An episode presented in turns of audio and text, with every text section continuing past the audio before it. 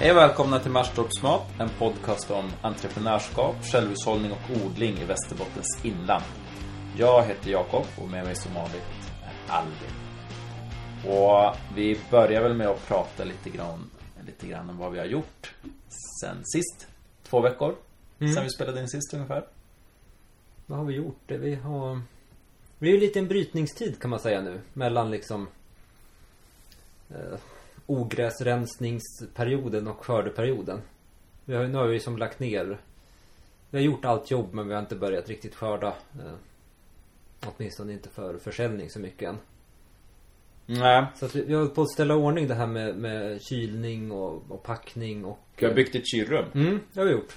Hur lång tid tog det? En kvart. Nej, några timmar tog det. Ja, men det... Det var några bitar som föll på plats där med eh, Ja Så nu har vi ett litet fint kylrum under din trappa Mm. Eh, Det som tidigare var, eller jag har tidigare byggt som en jordkällare där som fungerar under den kalla perioden egentligen men där det inte är så kallt eh, under sommarperioden. Men nu har vi även installerat ett kylaggregat Ja där. Det är ju jätteviktigt med grönsaker att hålla rätt temperatur och kyla ner dem fort och sådär för att behålla Fräschör. fräschören liksom Mm. Särskilt nu när vi kommer, de här prenumerationerna till exempel där folk får grönsaker varannan vecka Mm. Så vill de ju gärna att det håller ett tag i alla fall. Att inte, även om det är fräscht när de får det så ska det ju vara fräscht tre dagar senare också. Ja. Och det där är ju, vi är ju generellt lite grann emot det här med långväga transporter. Alltså köra grönsaker från Brasilien till hit exempelvis. Men det är lite imponerande hur de kan lyckas hålla dem liksom. Sen det är väl kanske ganska mycket som blir dåligt och slängs också men ändå överhuvudtaget. Alltså att köra grönkål tre mil är inte så lätt. Ja. Utan att den ska slokna. Eh, och då 600 mil. Ja. Ja, det måste vara ett företag det där. Få till. Det gäller att de har nog koll på vad de gör liksom. Ja. Och så gör de bara det. Ja, De försöker inte föda upp höns eller... nej. Och sen tänker jag att sådana här produkter, men det är ju så med det mesta, det är liksom Men ännu känsligare är det med mejeri och kött och så som ska vara obruten kylkedja Ja. Och så skickas liksom flera hundra mil ibland Det är ju fantastiska projekt Men vi har ju varit inne på det där förut, det här med, med logistiken. Att det är väldigt viktigt för oss att få det liksom att flyta på. Att vi kan ägna jättemycket tid åt att strula liksom och flytta runt och snubbla över saker om vi inte har fått det att fungera. Mm. Ja men kylrummet känns som en viktig, viktig del i det där. Och sen som sagt också Börja ställa ordning bord och sköljstation och packstation och tänka igenom hur allt... och påsar och förpackningar och... Mm. Det är ju lite ny det här att vi ska leverera pre- grönsaksprenumerationer och kassar och inte sälja i gårdsbutiken. Hur det Mm. påverkar ju lite hur, hur man packar och... Där har vi haft en diskussion om hur mycket plastpåsar vi ska använda. Mm. Vi... Grönsakerna håller ju bäst Alltså det, det som gör att till, till exempel sallad sloknar det är ju att de tappar vatten. Det är då de liksom blir så här mjuka och sladdriga. Mm. Så att, att dels hålla ner eh, temperaturen så att de liksom slutar eh, andas kan man säga. Mm.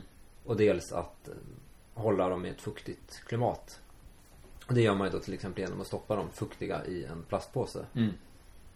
Ehm, Lagom fuktig också. Ja. Exempel, nu är det, det är salladsur du pratar om, men om man tänker annan typ av bladgrönt som spenat eller rucola eller så. Den kan ju också, det är ju snabbare att det börjar brytas ner, ruttna helt enkelt om det är väldigt blött. Mm. Vilket eh, man ser tydligt också. Så det ska inte vara för, alltså Nej. kallt, lite fuktigt. Mm. Men lagom.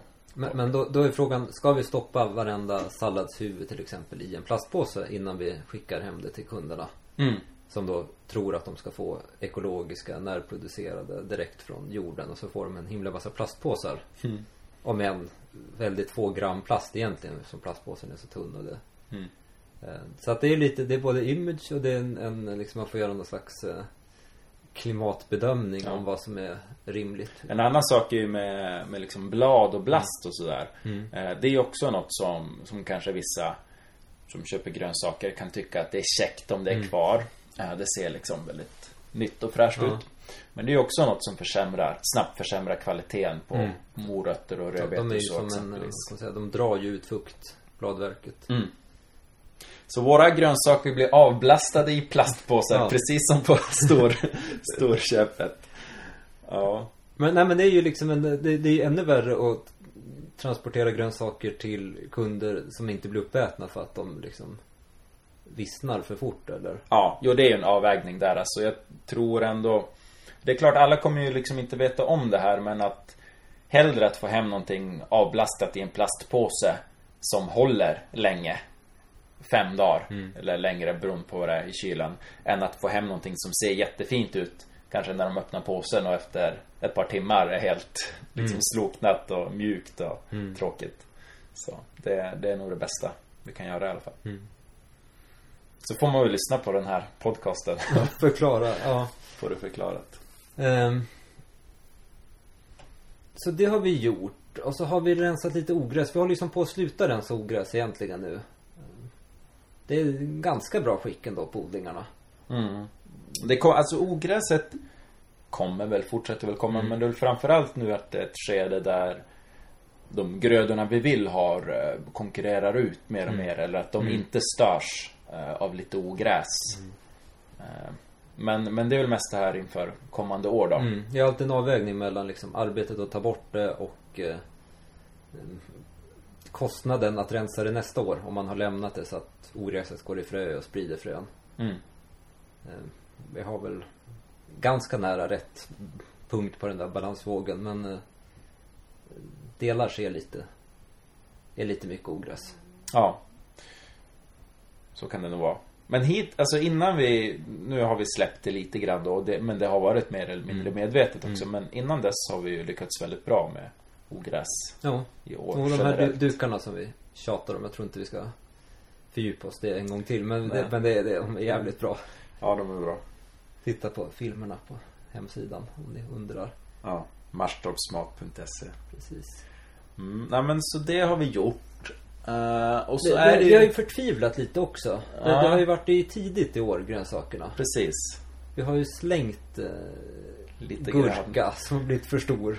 Ja. Du slängde gurka för, jag vet inte vad det var, 3000 häromdagen. Mm. Det känns ju sådär. Eh, rucola så slängde vi också för ganska många tusen. Ja.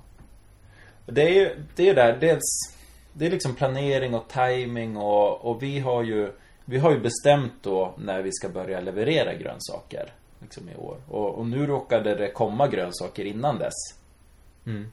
Det var det som hände helt Ja. enkelt och det är ju bra att vi har fått fram mycket grönsaker och att det har kommit tidigare Men i år så har vi inte haft den flexibiliteten i våra säljkanaler Ja. och då, det är som svårt att helt plötsligt liksom sälja eh, 50 kilo gurka liksom Ja. till någon. Mm. Det funkar inte riktigt så utan man måste ju som försöka planera Och så det här måste i man ju också väga liksom kostnaden då. För samtidigt som när man pratar med folk i byn och berättar att vi måste slänga saker så vill de jättegärna komma och köpa. Men vad... vad Kanske många- inte 50 kilo gurka. Nej men om 50 personer kommer och köper en gurka. Hur mycket tid tar det? Det är ju liksom en heltidstjänst att Mm. sälja den där gurkan. Mm. Som inte liksom får någon, det blir ingen hög timlön på det ändå. Så att det, det är jättesvårt det där. Mm. Att, men, men eh, till nästa år är väl det som du säger en flexibel försäljning och sen kan vi bli bättre och ha bättre precision i. Ja, vi lär oss alltid men för jag tycker slutsatsen vi kan dra av det här är ju inte kanske att vi måste börja sälja mer tidigare. För nästa år kanske blir ett dåligt år då det kommer sent. Ja. Utan det är just att kunna ha en del av försäljningen som är mer flexibel. Att den kan liksom starta när vi säger Ja. att den ska starta. Mm. Och så har vi kanske en del som vi kan bestämma att då vi vet att vi har. Så, så det är väl något att tänka på inför nästa säsong. Ja, Men så därför är vi ju lite i ett sånt skede nu att vi, ja vi vill gärna få börja sälja, skörda och sälja. Och det är ju på gång. Det är ju som, Skörda frukten av vårt arbete. Ja. Eller grönsaken av vårt arbete. så lite stiltje har det varit på det sättet. Ja. Det är inte så att vi inte haft grejer att göra men vi känner nog båda nu liksom vi är sugna Att på att få komma vi borde igång. skörda liksom. Det är det vi, vi gör. Vi går och städar och fixar och liksom. Och ser grejer som blir lite förväxta liksom Ja. och sådär så att, ja. Li- Lite kämpigt att se det. Hoppas Å andra sidan så är det ju som en möjlighet att ja, det är ju bra att det växer. Ja. Det är ju, det är kul. Mm, utvecklingspotential. Ja. Ehm, så har vi varit på konferens. Mm, vid havet. Ja, på Holmön. Det är fint. Det var väl liksom eh, Vi pratar ju hela tiden eh, Inte bara när vi spelar in podcastar om allt möjligt och hit och dit och Ja. Men det var som jättebra att få, vi tog Det var jättebra att få prata två dygn i sträck. Ja, och liksom till punkt och Ja. eh, Och inte har så mycket praktiska Annars så finns det alltid något som behöver vattnas eller rensas eller Som avbryter. räddas liksom. Man blev jättetrött av den konferensen. Mm, ja eh, Vi gillar ju att prata men Ja. det vart något uttömmande. Eh, och sen, den var ju ganska, alltså vi skrev väl ner några mer konkreta punkter Mm. men det var ju ändå en ganska liksom filosofiskt lagd Mm. konferens. Eller Mm. vi, vi, vi pratade mycket om lite djupare eh, frågor och sådär kring företaget. Mm. Vad vi vill egentligen och hur vi ska göra och sådär. Det var inte så mycket jättekonkret liksom detalj problemlösning. Ja men det, det var väl lite framtid, alltså framåt hur, hur mycket vi vill satsa, hur stort vi vill att det ska bli. Och lite då vad händer om, på, vad får det kosta att det växer? Eller hur mycket liksom av våra ideal och principer är vi beredda att liksom tumma på? Mm. Det är ju en jätteviktig fråga. Mm. Eh, som är, det är ju den här balansgången mellan att eh, att inte få någonting gjort. Om man har för mycket principer. Ja. Och ändå göra någonting som faktiskt är någon skillnad Mm. mot något annat Ja. som vi inte vill göra. Jag vet, inte, du har ju anmält att du vill prata om att leva noggrant i det här avsnittet. Ja, jag har skickat in förslag på det. Ja, visst. Är vi på väg in i det nu på något sätt? det kändes lite som att vi drar åt det hållet. Vad, vadå noggrant? Ja, eh, alltså det är ju dels någonting man kan göra i sitt privata liv. Men det här, för oss går ju det privata in i företaget på något vis ganska också. Eh, och del, alltså att leva noggrant handlar väl dels om att fundera på vad man, vad man vill egentligen och vad man, vad man tycker och hur, hur jag själv vill leva och hur jag vill att samhället runt mig ska se ut. Eh, och vad, göra liksom, tänka noggrant där. Gå lite djupare. Och inte bara göra som, som alla andra eller som man vet, det, det blir som det blir liksom. Lite hipp som happ. Utan var lite noggrann med det. Och sen då nästa steg då när man har kommit fram till det, det är ju att försöka forma sitt liv och det man gör efter det man har kommit fram till. Mm. Och då, då måste, det kan ju vara ett mer konkret exempel kan ju vara vad, om, man, om man köper grejer, liksom konsumerar. Eh, är det någon, spelar det någon roll vilket kaffe jag köper? Spelar det någon roll om det är fair trade och ekologiskt eller inte? Eh, spelar det någon roll vilka kläder jag köper eller hur mycket kläder jag köper? Eh, och så vidare. Det finns ju massor av val. Och det, då gör man ju Dels gör man ju kanske ett val eller ett icke-val. Eh, Ibland man köper någonting men Mycket är ju alltså har man Hur noggrant Har man gjort det här valet? Men har, har det med djup att göra? Jag tänker mitt, jag brukar ju prata om förnuft och snusförnuft. Efter näst, där det liksom Arne Ness Ja. Eh, alltså det här med förnuftet. Eh, att, eh, att liksom leva i enlighet med sina ideal. Och liksom att eh, gå till djupet i vad, vad det faktiskt leder till, de valen man gör. mm. Det snusförnuftiga är kanske mer Jo men det kortsiktigt liksom. Eller man, man ser inte eh, i så många led vad, vad ens val får för konsekvenser. mm.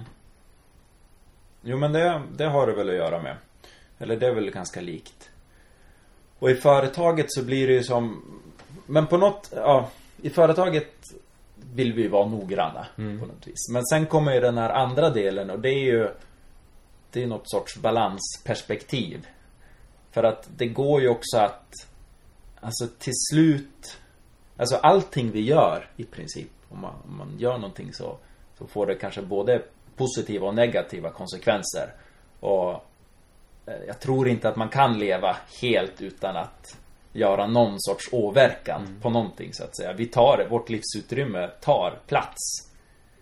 Ja, alltså annars så ställer man sig ju utanför naturen på något sätt. Mm. Alltså ja. det... Det är eh, bättre men- att men- inte finnas alls. Ja, som om det är det man... Eh, det, det, det jag tänker ibland lite det här med de här eh, SLU-forskarna. Som eh, tycker att ekologiskt är dåligt. Som De är kända. De skriver en DN-artikel om, eller debattartikel varje år. Ja. Och försöker samma få, gäng. få det som en eh, nyhet. Men Alltså de, de pratar ju om eh, Jag skrev en text om det där att, att liksom eh, konventionellt ha mindre ja, Natur mm, åverkan eller nå- Jag minns inte precis hur de uttryckte sig Är det den senaste artikeln? de Nej det var den innan den här när Okej. de skrev den här boken som faktiskt är ganska bra Det finns bra delar där. Mm. eh, Nej men där, där de Den det- ekologiska drömmen. jag, jag får med en känsla att de har, har en bild av att Människan lever liksom utanför naturen Mm. Eh, om man ser liksom jordbruket som någon slags fabrik som inte heller är en del av naturen. Och sen finns det någon slags orörd natur eller vad man ska säga. Utanför det där som man ska skydda. Mm. Där, men där vi kanske lite mer är en, ser oss som en del av naturen.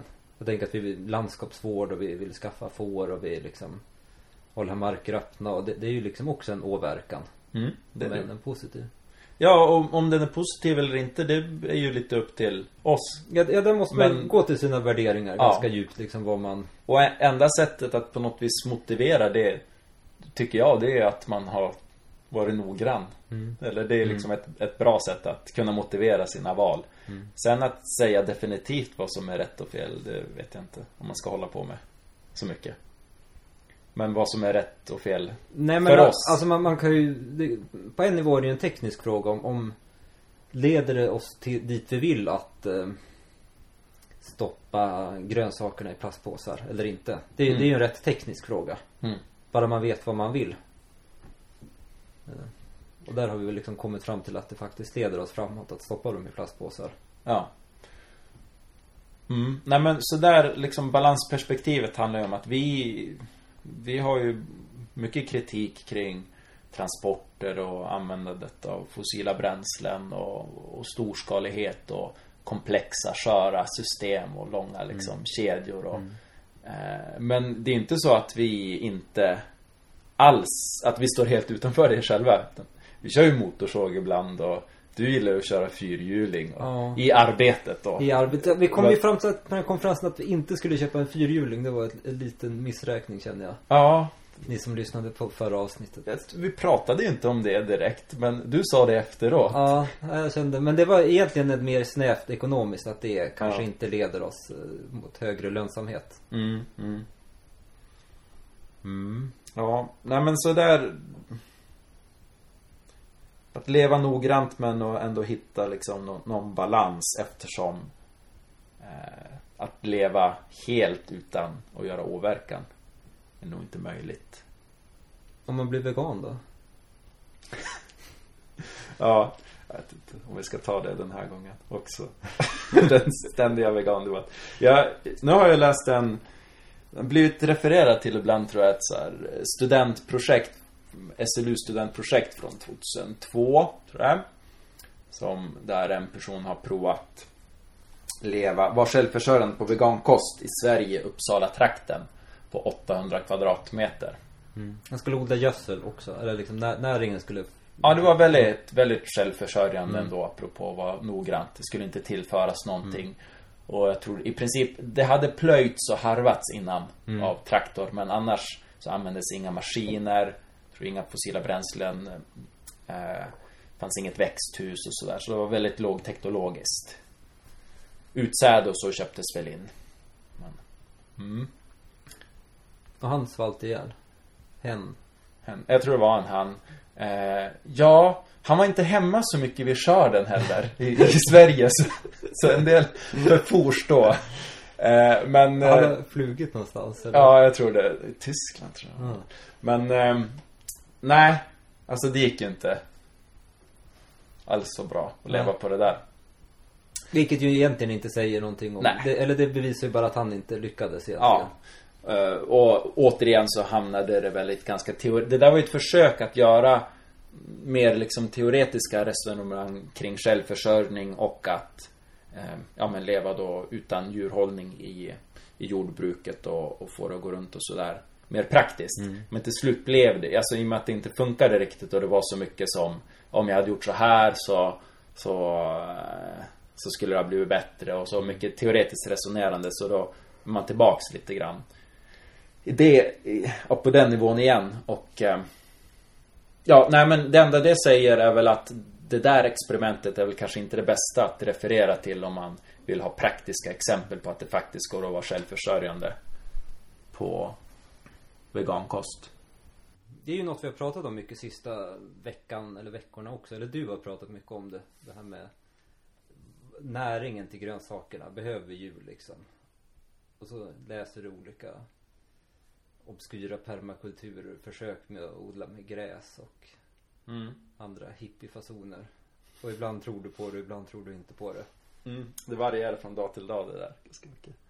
Det, det, det är ett generellt tips liksom att det är bra liksom att gå, det är apropå det här att vara noggrann också. Att man går, man liksom provar en idé, en typ av metod och sånt. Och så går, försöker man gå djupt in i det och kolla vad de liksom mest hardcore föres, förespråkarna säger.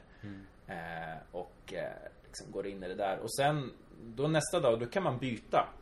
Och kolla vad andra sidan säger. Eh, och gå lika djupt in i det. Och sen då utifrån de här polerna försöka skaffa sig någon mer nyanserad uppfattning. Det är väl något, om vi får fortsätta vara lite självgod, alltså som, eh, som vi är ganska bra på det här att liksom prova saker och tro på det ett tag och så liksom, och sen kan vi ändra oss när det visar sig att det inte gick eller Mm. Vi har ju lagt jättemycket tid på att odla tomater. Mm. Det funderar vi på att sluta med nu för att det Ja, det var väl också något sånt där, en grej, viktig grej vi kom fram Mm. till på konferensen. Inga tomater. Till vissa familjemedlemmars förtret. Tomater, det är ju så gott Ja. och fint att ha. Och det, det blir ju Men, så eh, mycket, men om man räknar liksom hur mycket tid det Mm. och uppvärmd, eller inte uppvärmd, en växthusyta och sådär så. Mm. Och det, det där är- kommer man ju också in på en intressant fråga. Det här just vad, vad, vad kan man odla här Mm. i Norrland? Det, det tangerar ju lite den liksom veganfrågan Mm. också att eh, går det att odla liksom, leva på bara vegankost? Det beror ju som på vad man menar med det. Mm. Det går ju att odla vindruvor här. Mm. Men de kanske kostar tusen kronor kilot. Ja. Och det tror jag är en, det som jag tycker i alla fall är väldigt viktigt med den verksamheten som vi håller på med och försöker bygga upp. Det är att vi ändå har lönsamhetsperspektivet också. Att okej, vi, vi ska provodla tomater här under de här förutsättningarna. Men märker vi att de liksom, de kommer kosta 120 kronor kilot. Om, om det ska liksom löna sig. Det arbetet och tiden vi har lagt ner och liksom allt som krävs med bevattningssystem och växthus och så. Eh, Då, ja, det går ju att odla tomater. Men till den här kostnaden. Och är det i förenligt med, med våra ideal liksom och är det rimligt och kommer det fungera? Mm.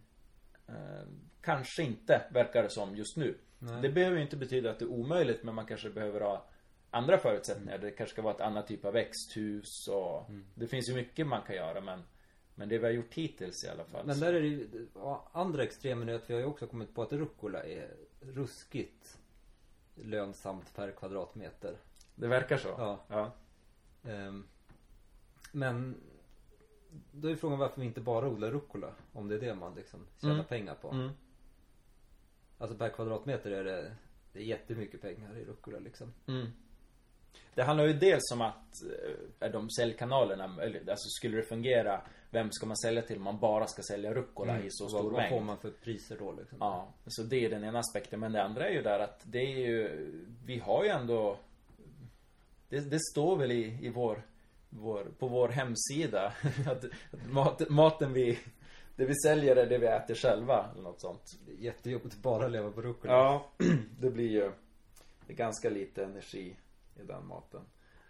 Ehm, Så det tycker vi ändå inte att vi ska göra då utan vi vill ju ha en bredd men man kan ju kanske överleva utan tomater. Eh, Eller så är tomater kanske något som Var och en kan odla lite till sig själv. Ehm, Och då är det ju Ska vi- Det man gör på fritiden. Förklara varför tomater är jobbigt egentligen. Det är ju, det är så vill de ha värme.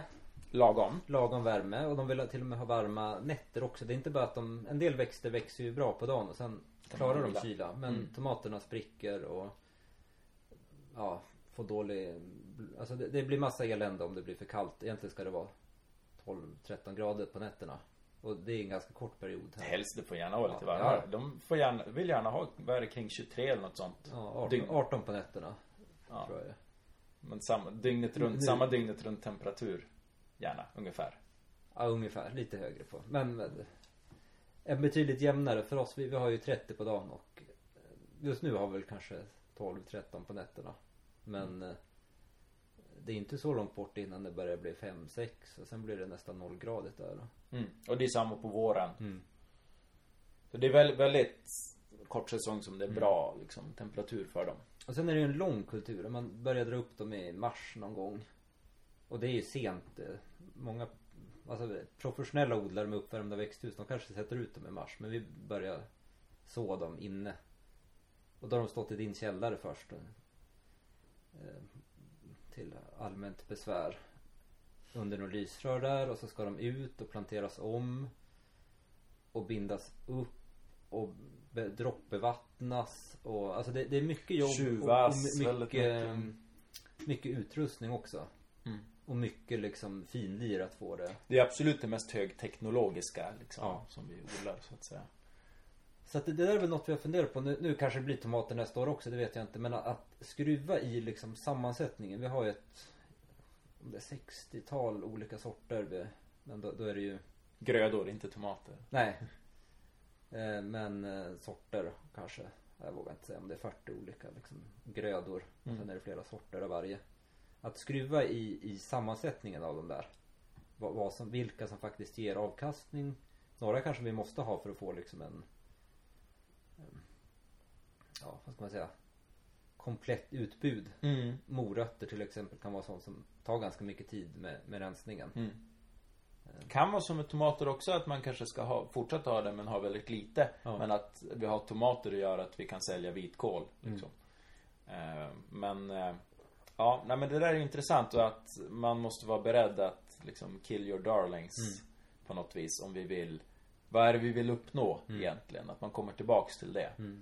Ja, det är lätt att man fastnar i hur, hur odlar vi tomater bäst? Men det var inte det vi egentligen Det var inte huvudsyftet. Nej. Att vi odlar tomater det är ju för att man Man brukar göra det, det. det, står det, liksom det är en om tomater i såna här när jag, när jag började för sex år sedan Då stod de tomater i liksom de här Handbok för köksträdgården och, Mm. Ja, då gör man ju det liksom Tomater är en känd grönsak. Ja. Det är ungefär Ja. så. Därför odlar vi tomater. Ja, nej men det sen, är ju det, sen är det ju, det finns ju efterfrågan på dem Det svåra är att få fram dem till rätt pris. Ja, Så, ja men det får vi se. Det, det var lite om tomaterna. mm. Och lönsamheten Ja. Hönsen har vi också, det, där är också lönsamhets Det har vi diskuterat mycket, ska man Ja. ha höns egentligen? Ja. Och där, där har jag ju kommit fram till en, till en slutsats nu då. Baserat på, Idag, idag, dagens slutsats på, på flera månaders forskning. Med, på, på Google och i självhjälpsböcker från USA höll jag på att säga. Odlings självhjälpsböcker och, och, och egna empiriska experiment. Ehm, det, och det är ju en tveksamhet om det i huvudtaget är lönsamt att liksom producera ägg kommersiellt. Alltså min, min bild är ju att tidigare, egentligen både höns och grisar, vi kan fokusera på hönsen nu, att de hade man, de var ju som en integrerad del i ett småskaligt jordbruk där man ägnade sig åt många olika verksamheter. Man hade spannmål och kanske lite grönsaker och man hade eh, nötkreatur. Eh, och, och, och, och grisar och lite höns. Och de hönsen, de levde ju mycket på, på rester. Alltså spill som blev över. Bös från Ja, man eller? tröskat och, och de gick bland, bland korna och de åt liksom ur gödselstacken Mm. och, och sådär. Eh, och så värpte de lite ägg. Inte Mm. alls lika mycket som, som pro, de producerande hönsen i en hönsfabrik värper idag liksom. Men, ja, men man fick lite ägg. Eh, och så kunde man slakta dem ibland och äta upp dem. Mm. Sådär. De, de var som en, en liten enhet. Där. Mm. Men det är ju väldigt långt ifrån som det ser ut idag. Att hönsen bara, deras enda uppgift, de ska liksom producera ägg. Eh, De hönsen som gör det. Och så äter de samma sak som människor äter. De, för att kunna, i alla fall för att kunna producera så mycket ägg så behöver de en väldigt väl sammansatt diet. En väldigt liksom högkvalitativ vegandiet Mm. På dem. liksom en bra balans mellan olika sädesslag och gärna något tillskott av eh, kanske inte ens ärtprotein utan gärna sojaprotein. Mm. Eh, för att de ska värpa ägg liksom. Eh, och, och där är det ju Om man ser hur det ser ut då i, i kommersiell ägguppfödning Så är det ju inte så Så trevliga liksom Fabriker Ja, de är ju hermetiskt slutna liksom och Ja men dels är de, dels är de ju det men, men vad är det för För mig i alla fall inte en djurhållning som, som jag kan Nej. stå för Om man tänker är det, alltså fungerar det? Det är ju samma sak där, fungerar det eller inte? Mm. Ja, uppenbarligen fungerar det ju men, men Hur fungerar det och hur förhåller sig det till Mm. ens liksom, vilket samhälle, vilken värld man vill ha och sina värderingar Mm. Så tomater och ägg Får man Ja, men, klara men sig egentligen, utan. det, det, inte men det är ju som du säger, det är ju de högteknologiska grejerna vi håller på med. mm. Som Det tar mycket tid och så är vi Ska vi leka uppfinnar-jockar själva liksom Eller kanske mest jag och försöka eh, Ja det, det tar mycket tid och så blir inte resultatet riktigt Bra Kanske för att vi inte har tid Man kan säkert bli en jättebra tomatodlare Om det var det enda man gjorde Mm. Ja Så att eh, Det kanske är, slutsatsen kanske mest är att vi Ska ta en paus just nu Eller liksom Ja, jo, det är ju, vi, vi har ju inga definitiva svar på det här men Men mycket annat av det vi odlar och så går ju betydligt bättre. ja. Så det verkar ändå finnas en skillnad i, i liksom komplexiteten och, och hur mycket som krävs av yttre medel Mm. och, och sådär. Och, och även om man tänker eh, all, Allt var ju inte bättre för men det mesta var ju det. men man hade ju varken särskilt mycket tomater eller storskalig äggproduktion Mm. här för 200 år sedan. Men man hade rovor Mm. och, och potatis och lite kål hade man också. Så är det. Mm. Ja, vad händer nu då? Nu, ja det är börja skörda Sälja, tjäna pengar Mm, det är det vi vill göra. Ja. Det kommer vi göra också. Från nästa vecka. Nästa tisdag börjar vi leverera de första grönsakskassarna in till Umeå Ja. Och sen är det ju varje vecka Tror det finns några kassar kvar kanske om man Vill det Mm. Och det finns länk till det från vår hemsida också. Mm. Marstorpsmat.se Och där har vi lite, sen har vi lite kontakt med några olika restauranger där vi mm. Det är en liten annan marknad liksom andra Ja. Behov de har liksom. Mm. Ja men det är ju så, roligt. Så det jobbar vi vidare på. Eh, Mm. Sen har vi haft en gårdsbutik förut. Ja. Som vi inte ska ha i år. Nej, Det, det kommer väl fram till, det är väl också en sån här Att den var jätte, den var ju som trevlig men den, den gav oss inte riktigt det vi ville ha på djupet på något sätt eller Och det här med lönsamheten att det Mm. Den var ju, den var ju populär och en del en del kunder handlade ju liksom sin mat Mm. där Som är lite vårt mål att våra grönsaker ska ge, täcka in liksom i alla fall En stor del av, av det man behöver I matväg Mm. Och även för kulinariska upplevelser Lite mer spännande Mm. grödor kanske Eh, Men för väldigt många var det ju mer kanske ett trevligt utflyktsmål Mm. Och det kan ju funka bra men då kanske vi behöver ta betalt för inträdet Mm. Eh, Det finns liksom en skillnad där på en, en butik där man handlar sin mat Och någonstans man far liksom för att Klappa grisar och titta på höns och köpa en morot Mm. Så Ja så, Men i år har vi ju Nu Är vi i kontakt med lanthandeln här Mm. istället För att kunna tillgodose om vi kan tillgodose Marknaden behovet för, för de som bor, bor närmast. Mm. Det, det är ju lite en att eh, Också det här att vara en del av världen omkring en. Att inte vara en ö och lösa allt själv liksom Utan bygga Broar liksom och, Ja, vi fick ju som en snilleblixt där på konferensen att det, det finns ju en Det finns ju redan en affär. Som säljer grönsaker. Och vi producerar ju grönsaker. Det är ju bara några hundra meter dit. Ja Så det ser vi också fram emot Det är ytterligare en säljkanal Mm. Så får vi se hur det utvecklar sig det, det känns ju viktigt för oss att kunna få sälja De här kassarna är ju fem mil bort i Umeå De Mm. allra flesta i alla fall Eh, Men att ku- kunna sälja vår närproducerade mat till, även till närområdet om man säger så. Mm.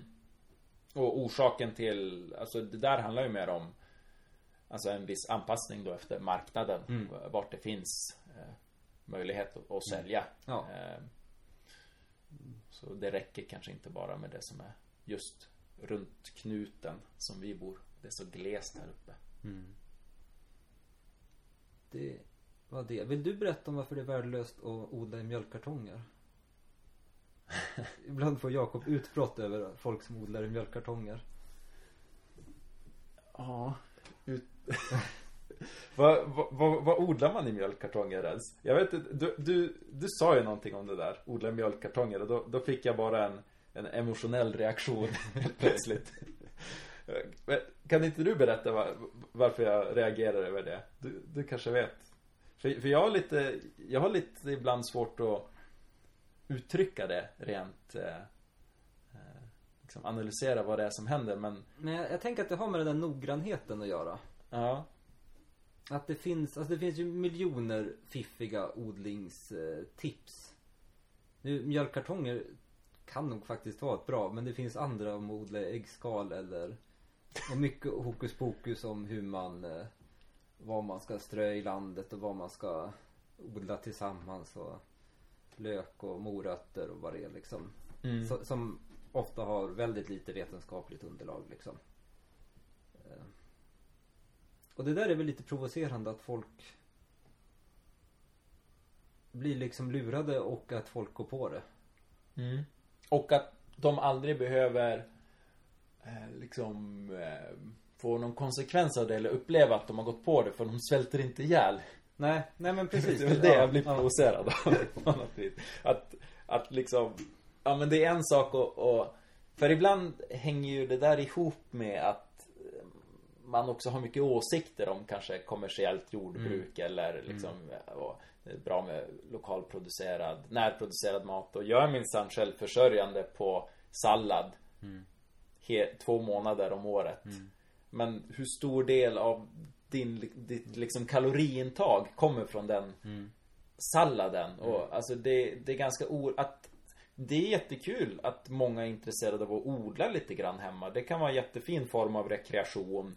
Eh, Jag tror det är väldigt liksom bra på många sätt att odla och man, lär sig, all... ju liksom, är. Ja, man lär sig alltid något.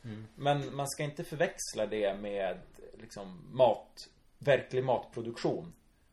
Man- Om man, alltså vi brottas ju som sagt med de här frågorna men om man, om man köper liksom plantor, gödsel, jord Har den där ståendes Det man gör är liksom och vattnar några gånger Och så är det liksom, det är en krydda till maten som man köper på affären ändå eh, Och upplever då samtidigt att man är självförsörjande Jag tror det är lite grann det som jag kan bli provocerad av. Och för det blir ju på mig själv också. När ibland, om man har gått ut och skördat liksom en stor måltid med med rödbetor och sallad och tomat och gurka och, och broccoli och liksom, vi har ju mycket grödor. Det- Det är jättegott. Man tar lite olivolja på och så lite Ja. salt och lite fetaost och... Ja, precis. och så, för det är ju som två aspekter. Den, den liksom kulturella kulinariska aspekten som är väldigt viktig. Men om man ser det ur ett lite djupare, mer seriöst perspektiv. Då är det ju, handlar det ju faktiskt om kalorier först och främst. Och liksom kunna producera tillräckligt kaloririk mat. Vilket vi är jätteduktiga på liksom i de stora industrijordbruken idag. Det är ett överskott på kalorier. Men om man verkligen gör det själv från grunden, då är det ändå där vi hamnar igen. Och som har varit problemet här för några hundra år sedan.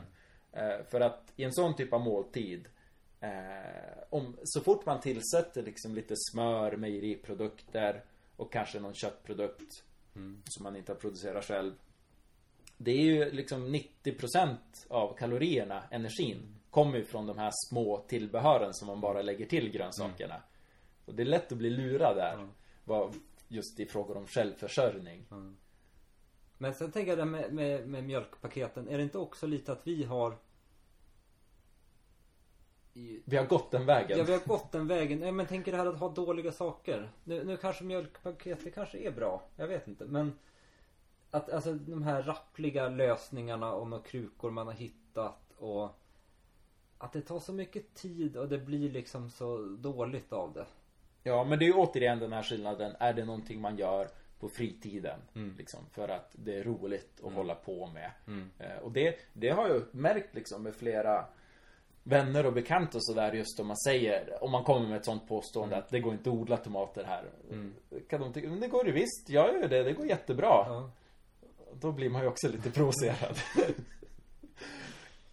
Eh, Eller andra grönsaker liksom. Och, och den skillnaden på att göra det så att du verkligen ska kunna leva på det och driva ett lönsamt företag kanske också. Som är mycket att kunna leva på det idag.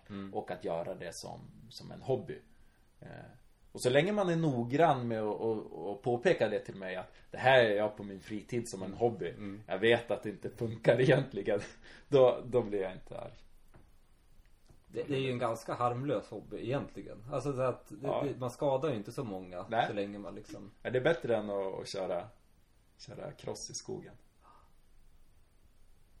mm. Ja. Nu, Nu, har vi... vi... både med hemmaodlarna och crossåkarna.